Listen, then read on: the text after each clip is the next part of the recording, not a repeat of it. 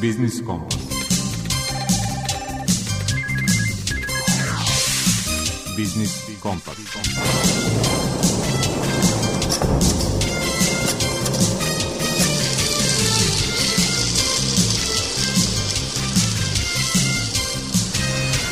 Pred mikrofonom je Đuro Vukelić. Dobar dan poštovani slušalci. Na izmaku marta dani su duži od noći i zašto da ne verujem da će u tom smislu i ekonomija nadvladati krizu. Dok se to ne dogodi, odnosno ne pronađe rešenje, bavit ćemo se posledicama. Koleginica Branka Dragović-Savić je za rubriku Aktualno pripremila priču o tome kako rat u Ukrajini utiče na globalnu ekonomiju i koji su delovi srpske privrede posebno pogođeni. U rubrici mog ugla direktor Nacionalne asocijacije turističkih agencija Juta Aleksandar Seničić govori o izazovima s kojima se suočavaju turističke agencije u svetlu krize, kako će se putovati i po kojoj ceni aranžmana. Svet preduzetništva danas pripada novosadskoj preduzetnici Valeriji Đurković. Podelit će s nama iskustvo u vođenju rukodelnice Čudesna petlja. Tema rubrike Predmet financije su pritužbe klijenata na rad finansijskih institucija. O tome kako ih uputiti Narodnoj banci Srbije govori stručni saradnik u sektoru za zaštitu korisnika finansijskih usluga Marko Bjedov. Nedavno hapšenje osumnjičenih za krivotvorenje i prodaju proizvoda kućne hemije ponovo je otvorilo pitanje bezbednosti potrošača, poručuje u rubrici Potrošačka korpa prava pravni savjetnik u Udruženju potrošača Vojvodine Mladen Alfirović.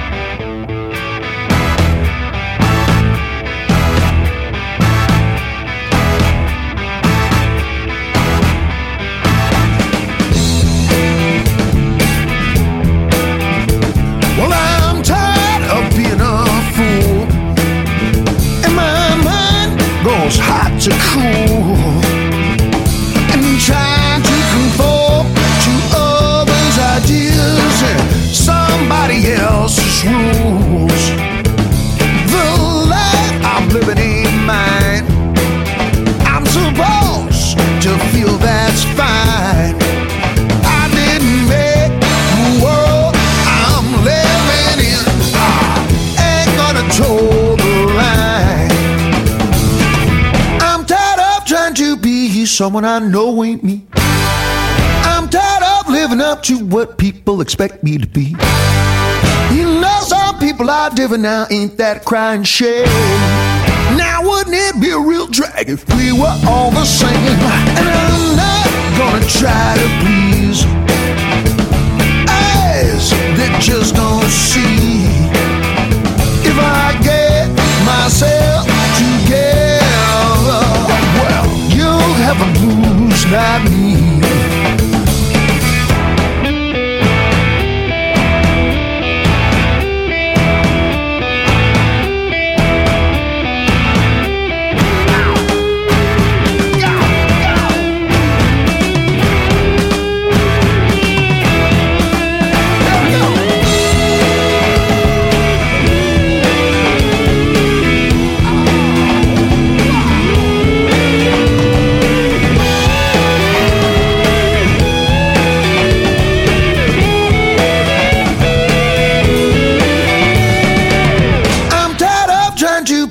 Someone I know ain't me. I'm tired of living up to what people expect me to be. You know, some people are different now, ain't that crying shame? Now, wouldn't it be a real drag if we were all the same? And I'm not gonna try to please eyes that just don't see. If I get myself Business not me. You have a blues not me. You have a blues not me. You have a blues not me. You have a blues. Rat u Ukrajini utiče na globalnu privredu jer postiče rast inflacije što dovodi do pada kupovne moći stanovništva i skuplje proizvodnje. U Srbiji su trenutno generalno ugroženi svi privrednici koji izvoze u Rusiju, Belorusiju i Ukrajinu zbog veoma otežanog transporta robe. A ova kriza za Srbiju nosi i potencijalno veće rizike od pandemijske, upozoravaju ekonomisti, pripremila Branka Dragović-Savić.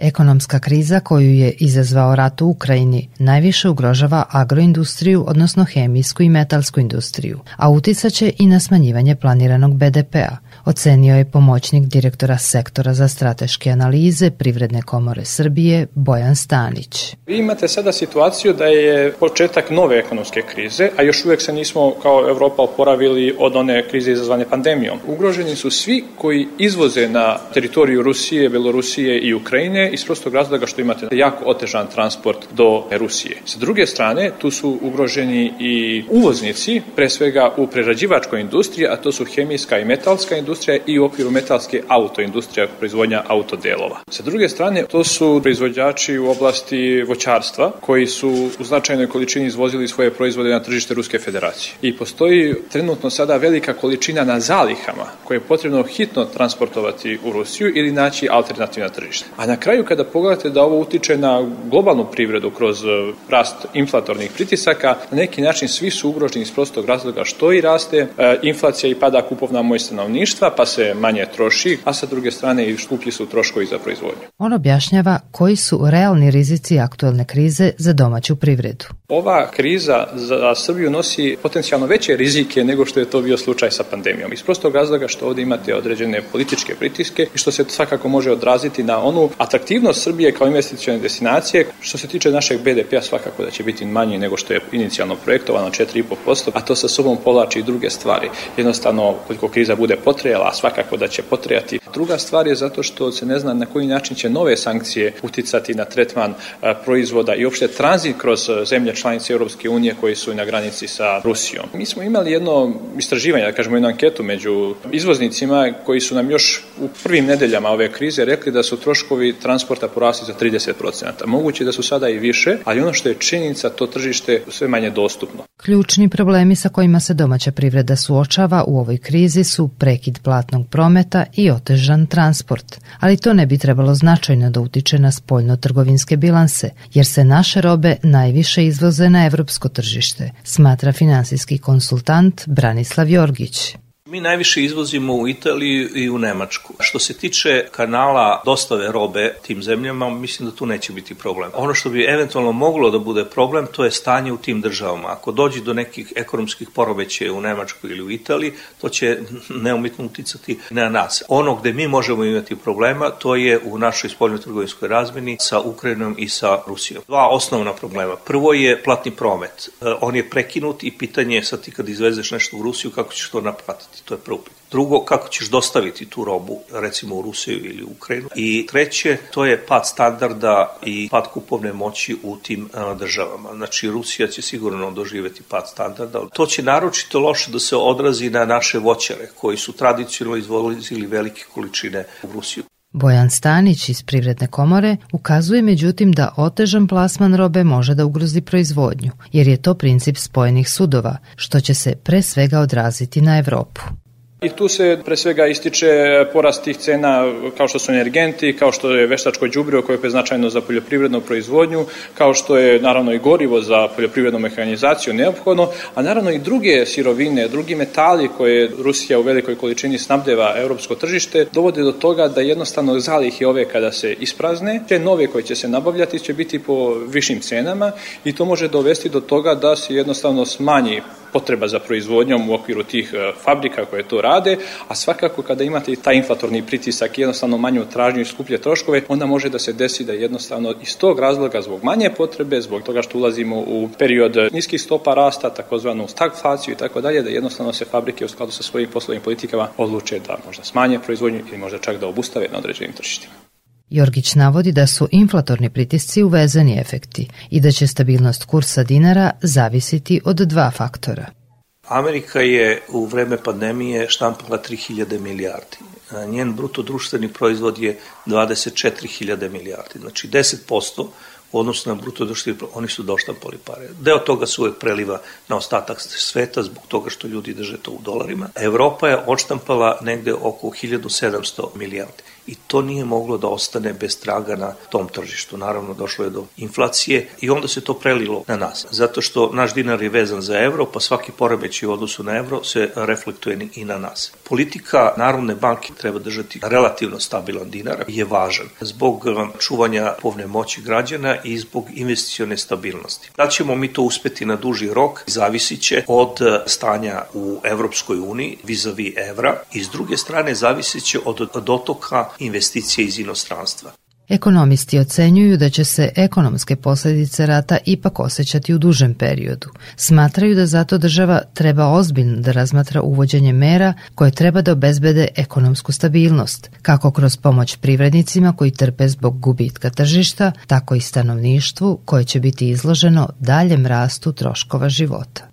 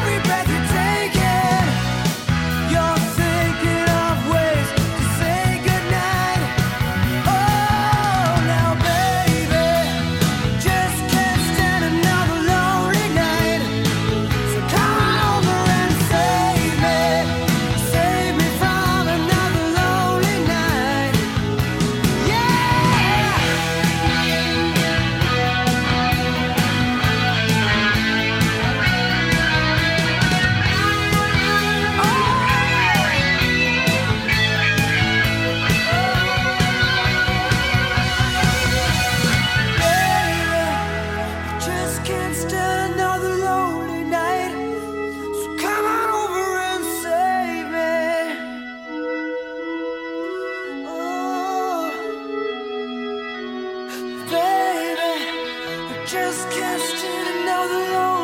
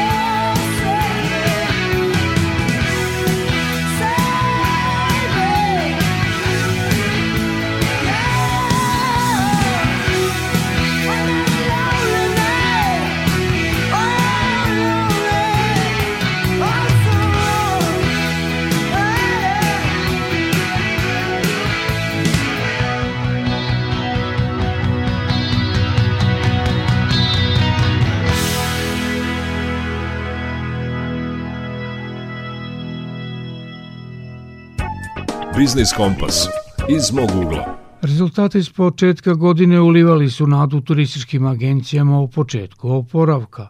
Usledio je rat u Ukrajini i zainteresovanost turista za uplatu aranžmana je naglo splasnula.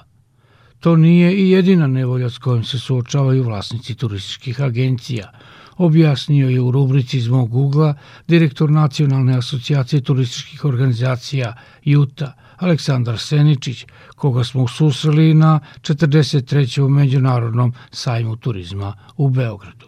Ako danas govorimo o turističkim agencijama, situacija je takva da se i dalje nalazimo u jednoj nepredvidivoj situaciji. E, moram da napomenem dakle, da smo početkom ove godine, januar i februar mesec, turističke agencije su se nadale da će ova godina biti početak oporavka turističkog sektora generalno, pa i samih turističkih agencija.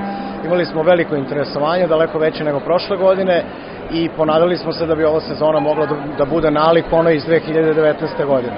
Nažalost, sa početkom rata u Ukrajini sve je stalo, stalo je pre svega zainteresovanost putnika da uplaćuju i da putuju, ali samim tim je, se, smo naišli na sjasat problema kad je reč o našim partnerima i ugovorima koji su potpisani na raznim destinacijama. E, još jedan negativan efekt je što u svetlu te krize je krenulo da skače gorivo, odnosno krenulo su da divljaju cene energenata koje u drastično velikoj meri utiču pre svega na čarter prevoz, odnosno na doplatu za gorivo za čarter prevoz, obzirom da kad govorimo o avionima i o čarter prevozu, gorivo utiče sa nekih 40% na ukupnu cenu koštanja aviona.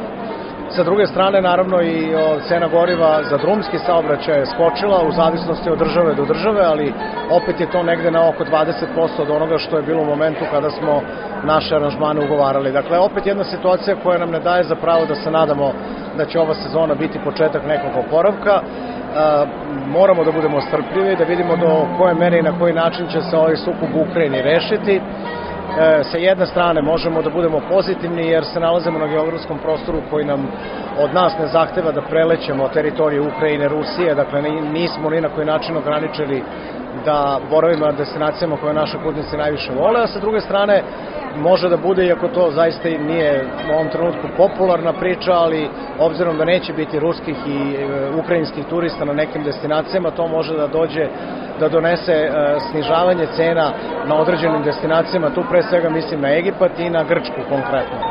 Dakle, kad govorimo o Turskoj, tu se još uvek e, naše kolege u Turskoj nadaju da će jedan veliki broj ruskih turista, obzirom da nemaju veliki izbor gde mogu da letuju ove godine, oni koji budu mogli uopšte da putuju, e, da će se ipak pojaviti u Turskoj. Dakle, veliko interesovanje na početku ove godine na svim destinacijama, je prouzrokovano pre svega e, slabljenjem tih protokola oko covid i imamo velike zemlje kao što su recimo Velika Britanija, Nemačka, Poljska, koje su se aktivno ove godine uključili u ugovaranje kapaciteta, što nije bio slučaj poslednje dve godine, jer su COVID protokoli bili vrlo restriktivni i ljudi sa ovih destinacija nisu mnogo putovali po Evropi.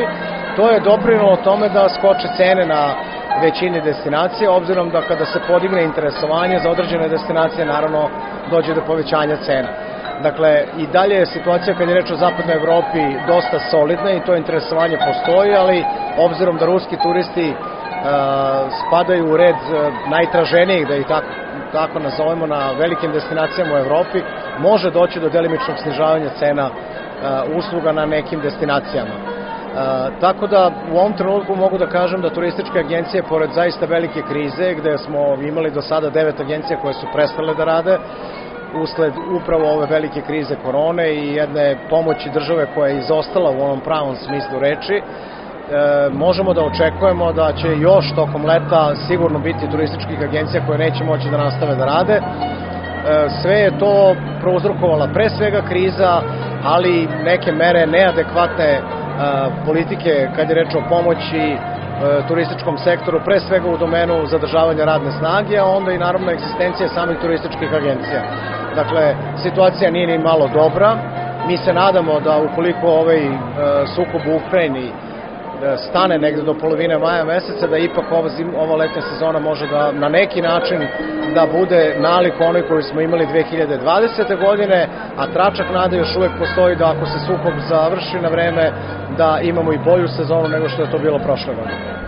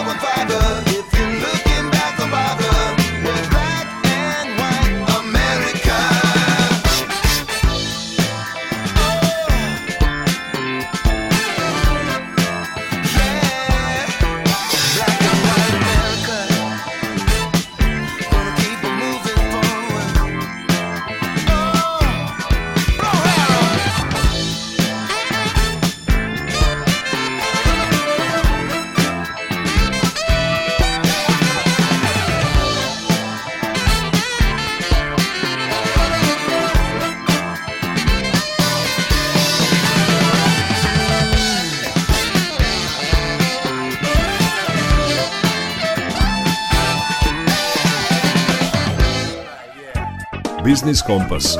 Svet preduzetništva. Osnivačica rukodelnice Čudesna petlja, novoseđanka Valerija Đurković u preduzetništvu je šest godina.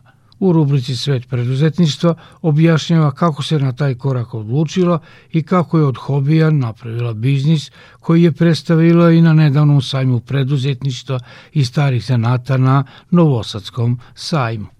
Moj preduzetnički put je počeo 2016. godine.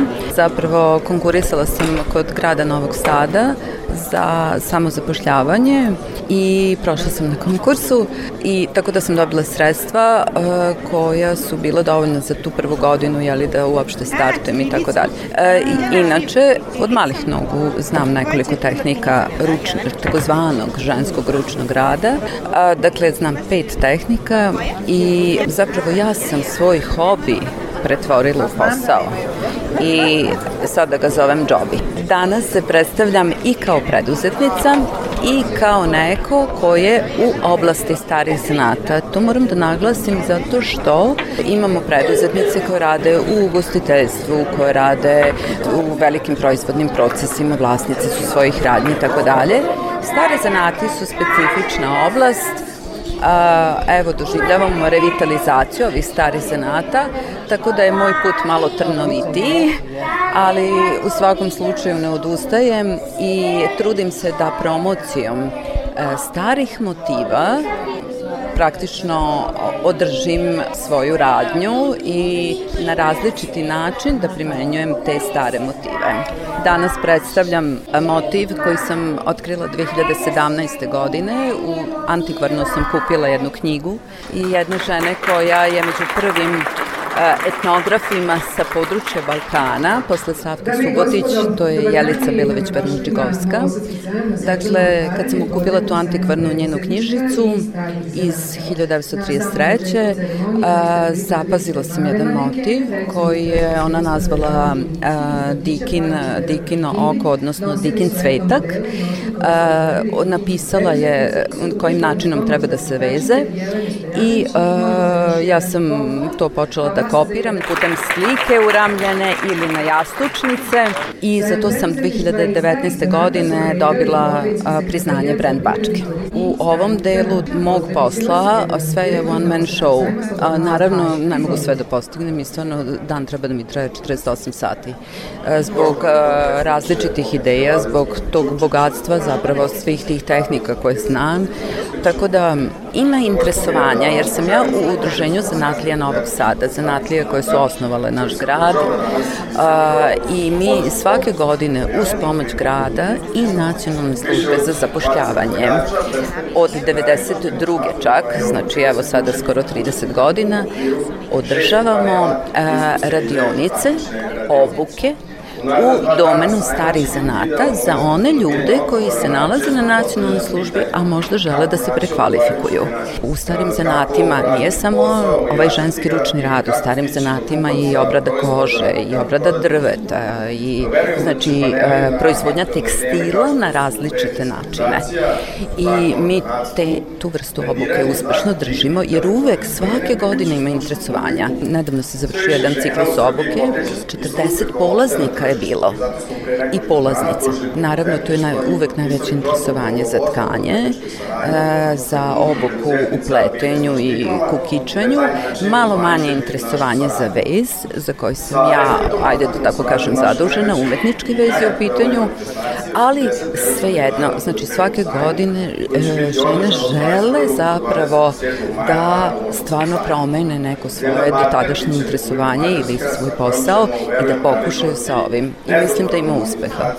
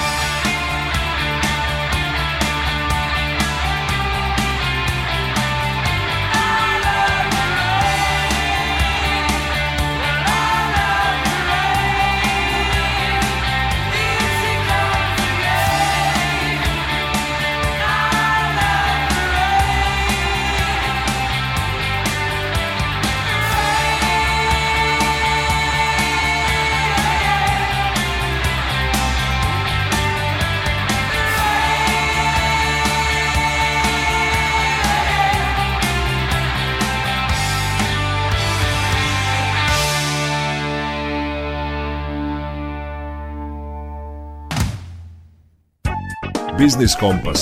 Predmet financije. Podnošenje prigovora Narodnoj banci Srbije na rad finansijskih institucija tema je današnje rubrike Predmet financije i izlaganja stručnog saradnika u sektoru za zaštitu korisnika finansijskih usluga Marka Bjedova. Ako ste u nedoumici kako da rešite spornu situaciju ili odnos sa davaocem finansijskih usluga, odnosno bankom, imate mogućnost podnošenja prigovora i pritužbe na postupanje banke. Ukoliko smatrate da je banka, društvo za osiguranje, davalac finansijskog lizinga, društvo za upravljanje dobrovoljnim penzijskim fondovima, pružalac platnih usluga ili izdavalac elektronskog novca povredio vaše prava, potrebno je da se prvo obratite davaocu usluge prigovorom u pisanoj formi. Prigovor se najbrže može uputiti elektronski preko internet prezentacije davaoca usluge ili putem e-maila za prigovore koji ima svaka od ovih institucija. Takođe, prigovor se može podneti i poštom ili direktno u poslovnici. Davalac usluge je dužan da primi prigovor i da odgovori u roku od najduže 15 dana tako što će obrazložiti svoje postupanje ili otkloniti eventualnu nepravilnost. Ako nakon prijema odgovora i dalje smatrate da su povređena vaše prava ili vam davalac usluga ne odgovori u roku od 15 dana, imate mogućnost da Narodne banci Srbije podnesete pritužbu na postupanje davaoca usluga. Uz pritužbu potrebno je da dostavite prigovor koji ste uputili davaocu, odgovor na prigovor ukoliko je dostavljen, kao i svu raspoloživu dokumentaciju koja se odnosi na konkretan sporni odnos. Pritužba se najbrže može uputiti elektronski preko internet prezentacije Narodne banke Srbije putem odgovarajućeg linka podnesite pritužbu prigovor, a kome se pristupa sa početne stranice ili putem direktnog linka nbs.rs kosa crta pritužba. Važno je naglasiti da Narodna banka Srbije neće razmatrati pritužbu koja je upućena pre nego što je prigovor dostavljen banci, odnosno davaocu usluga, to jest pre isteka roka za odgovor na taj prigovor. Po prijemu pritužbe Narodna banka Srbije će preduzeti mere i svoje nadležnosti kako bi se u najkraćem mogućem roku uklonila eventualna nepravilnost ili korisnik obavestio da je banka postupila u skladu sa propisima. Narodna banka Srbije uvek promptno i sa pažnjom odgovara na svaku uredno podnetu pritužbu te je kroz ovaj proces koji prosečno za osnovane pritužbe traje 30 dana do sada rešila značajan broj spornih odnosa. U slučaju da pritužbu želi da podnese pravno lice, Narodna banka Srbije u skladu sa propisima može da razmatra samo pritužbe na postupanje banke koje se odnose na pružanje platnih usluga.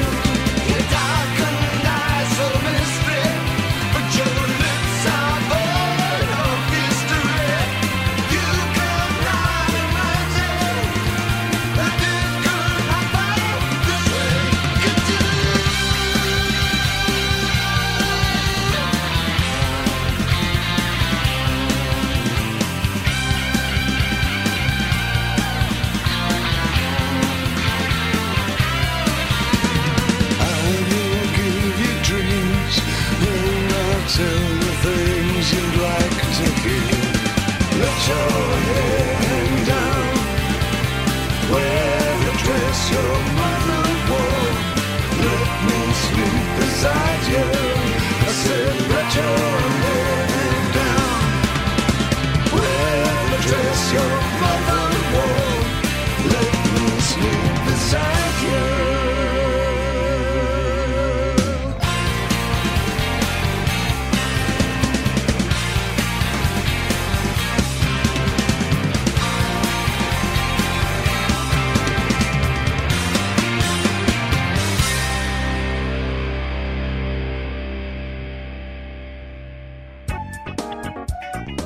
Biznis Kompas.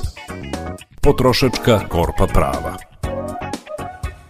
Nedavno hapšenje grupe osumnječene za krivotvorenje i plasman kućne hemije i sredstava za ličnu higijenu poznatih svetskih brendova ponovo je otvorilo pitanje kvaliteta i bezbednosti proizvoda koje neretko kupujemo van prodavnica.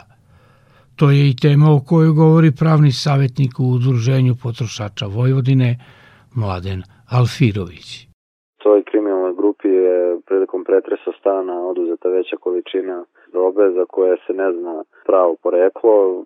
Zaplanjene su tu i neke nekretnine, veća količina novca i na kraju se ispostavilo da se radi zapravo o kopijama poznatih brendova, uglavnom se radi o kućnoj hemiji i kozmetici e, za ličnu upotrebu koja je duži vremenski period ilegalnim tokovima prodavana na navedenim mestima i ono što je posebno zanimljivo, a i uh, onako delo je prilično zastrašujuće za, za same korisnike i potrošače jeste da se ta roba uh, proizvodila u improvizovanim laboratorijama. Uh, ova vest je važna za potrošače sa nekoliko aspekata. Zapravo na prvom mestu radi se o predmetima čiji je promet regulisan zakonom o bezbednosti predmeta od opšte upotrebe, budući da se radi o proizvodima za, za ličnu higijenu i za održavanje doma, oni dolaze u neposredni kontakt sa kožom potrošača i zbog svog sastava, ukoliko se radi o proizvodima koji sebi sadrže neke nedozvoljene substance ili sadrže u većoj količini od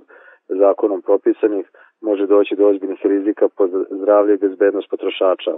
Informacija koju smo mi dobili, koja se takođe može pronaći u medijima, jeste da se trenutno radi na laboratorijskim analizama te robe kako bi se zapravo utvrdio pravi sastav tih proizvoda jer prema nekim e, izjavama može doći do toga da pojedini sastojci budu i kancerogeni. Zato je jako važno da potrošači nakon što se izvrše ove laboratorijske analize budu upoznati sa tim rezultatima i da oni budu javno objavljeni. Mi smo više puta apelovali na potrošače da kad je u pitanju ta vrsta proizvoda da ih ipak kupuju na proverenim mestima u, u registrovanim maloprodajnim objektima od strane registrovanih trgovaca kako ne bi svoje zdravlje i bezbednost dovodili u pitanje. Međutim, veliki broj potrošača je zaista tu robu kupovao na tim mestima prvenstveno iz razloga što je ona prilično jeftinija, a i ti prevaranti su te kopije izrađivali toliko dobro da se zapravo i nije mogla lako i brzo uočiti razlika između recimo originalnog e, brenda određenog praška, deterđenta za ve, vešo, mekšivače i slično i, i zapravo pravog proizvoda. Sve to nekako navelo potrošače da budu obmanuti, prevareni, na neki način dovedeni u zabludu da zapravo kupuju poznate brendove i da će na taj način uštedeti, međutim na kraju će se ispostaviti da to što su kupovali se zapravo ne zna ni o čemu se radi i kao što sam rekao očekujemo da će se nadležne inspekcije nadležne referentne laboratorije koje trenutno rade na ovom slučaju u nekom budućem periodu oglasiti i javno objaviti rezultate tih istraživanja jer je to prilično značajno za, za potrošača koji su eventualno duži vremenski period na taj način se snadevali tom vrstom robe i to redovno koristili. Takođe, bitan aspekt ove akcije i prekida lanca ilegalne trgovine je i to što je na ovaj način ozbiljno narušena konkurencija na tržištu i trgovci koji se bave na legalan način ovim poslom su svakako imali smanjen promet e, zbog svega toga i nelojalnu konkurenciju koja pored toga što postiče sivu ekonomiju, a već sam napomenuo na samom početku, može negativno uticati na zdravlje i bezbednost potrošača. Dakle, ova vest je izuzetno važna i generalno apelujemo na potrošače da kad je u pitanju e, kozmetika, kućna hemija, predmeti od opšte upotrebe, proizvodi koji dolaze u direktni kontakt sa kožom, koji se koriste za ličnu higijenu, a da ne govorimo o hrani i osnovnim životnim namirnicama, da bez obzira na sve izbegavaju kupovinu na mestima koje nisu za to registrovane i predviđene, kao što su recimo bulje pijaca gde se može vidjeti gotovo svakodnevno da se obavlja veliki promet ove vrste proizvoda i nekako je to godinama prolazilo ispod radara inspekcije, međutim eto ovo je prva velika akcija u tom smeru i nadamo se da će i taj segment prodaje biti doveden u legalne tokove kako bi potrošači bili sigurni, bezbedni i kupovali proizvode koji su prošli sve e, moguće kontrole i koji se nalaze u prometu u skladu sa, sa važećim propisima, što za krajnju posledicu ima zapravo ono što je najosnovnije e, pravo potrošača, a to je pravo na bezbednost i sigurnost kad je u pitanju ova vrsta robe.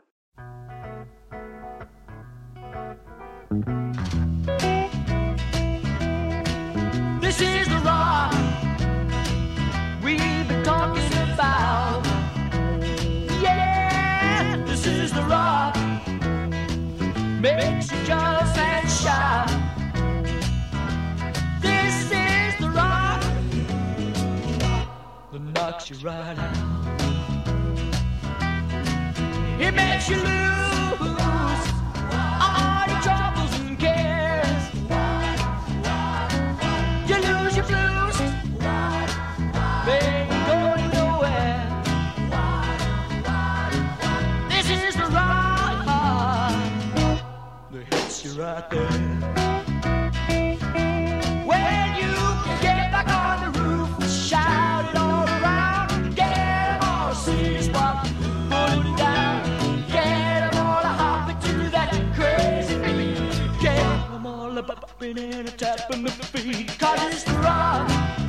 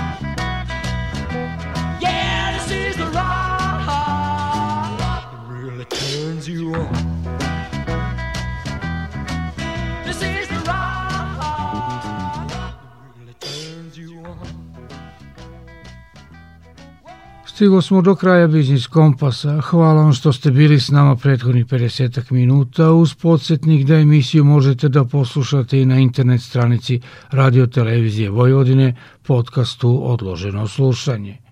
Muzički urednik Zoran Gajinov, ton majstor Jovan Gajić i urednik emisije Đuro Vukilić vam poručuju. Ostanite uz program Radio Novog Sada.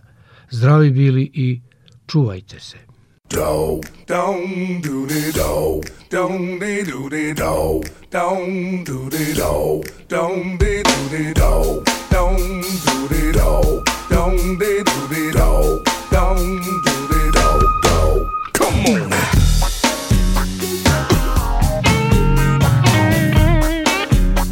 Taste.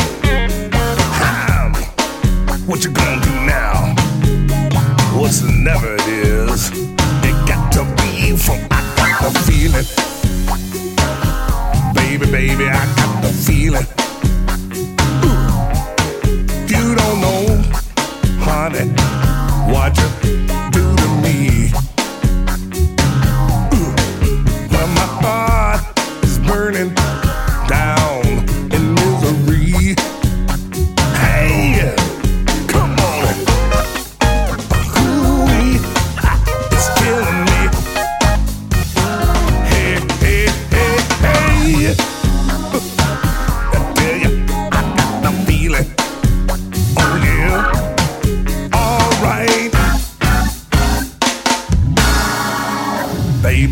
baby, baby, baby, baby, baby, baby, baby, baby, baby, baby. Come on. Now.